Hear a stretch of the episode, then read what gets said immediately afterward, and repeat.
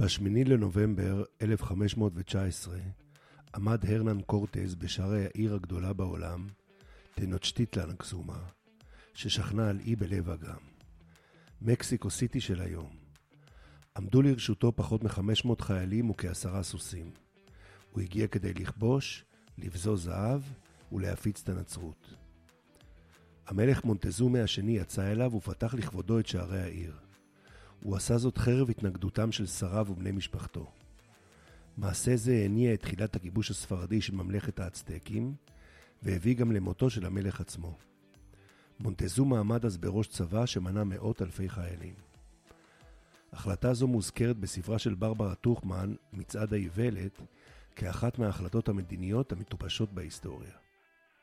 מונטזומה היה אז אחרי 14 שנות שלטון יחיד, ופיתח פולחן אישיות בקרב עמו, תוך דרישה לקורבנות אדם רבים.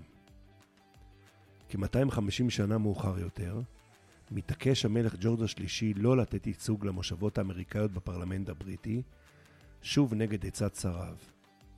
החלטה זו הניעה את מלחמת העצמאות של ארצות הברית, שבה איבדה בריטניה את מושבותיה בצפון אמריקה. ג'ורג' השלישי מלך עד אז 17 שנה. הוא מלך בסך הכל כ-60 שנה, יותר מכל מלך בריטי אחר עד זמנו. בשנים האחרונות של מלכותו חלה במחלת נפש. ב-22 ביוני 1941, בשיא כוחה של גרמניה הנאצית, ולאחר שכבשה את רוב אירופה, פתח היטלר במבצע ברברוסה, וארבעה מיליון חיילים תקפו את ברית המועצות ללא התראה מוקדמת.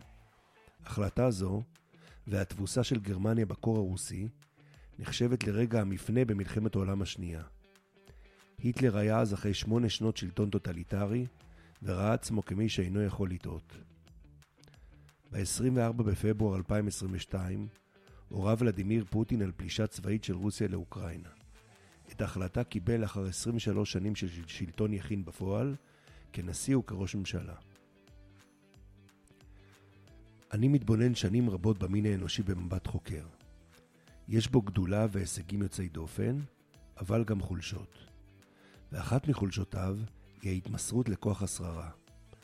העוצמה המסממת של השלטון, ביחד עם מערכת הלחצים המסיבית של התפקיד, הביאה גם את האנשים המוכשרים ביותר, החכמים ביותר והרגישים ביותר לאובדן דרך, תוך פגיעה משמעותית בציבור אותו הנהיגו, בבני משפחתם ובהם עצמם. שלמה המלך, החכם באדם, יודע שפת חיות ועופות, בונה בית המקדש, שולט גם על מלאכים ושדים, מלך ארבעים שנה, ובסוף חייו תמך בעבודה זרה שהביאו איתה נשותיו הרבות. מעשה זה הביא להחלטה האלוהית לפצל את הממלכה לשתיים אחרי מותו. בדיעבד, אחד האסונות הגדולים בתולדות העם היהודי על פי המקורות. את עשרת השבטים אנחנו עדיין מחפשים. אף אחד לא חסין, לא משנה מי אתה. ראש מועצה, ראש עיר, ראש ממשלה, נשיא, וכל תפקיד נבחר אחר. יש לך עשר שנים לכל היותר. אף אחד לא מורם מעם.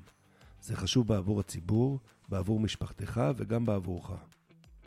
כולם אנשים מוכשרים, הם יסתדרו, גם אנחנו. המוטיבציה האישית העצומה שלהם, זו שהביאה אותם להיבחר, לא תיתן להם לעזוב. בואו נציל אותם מעצמם.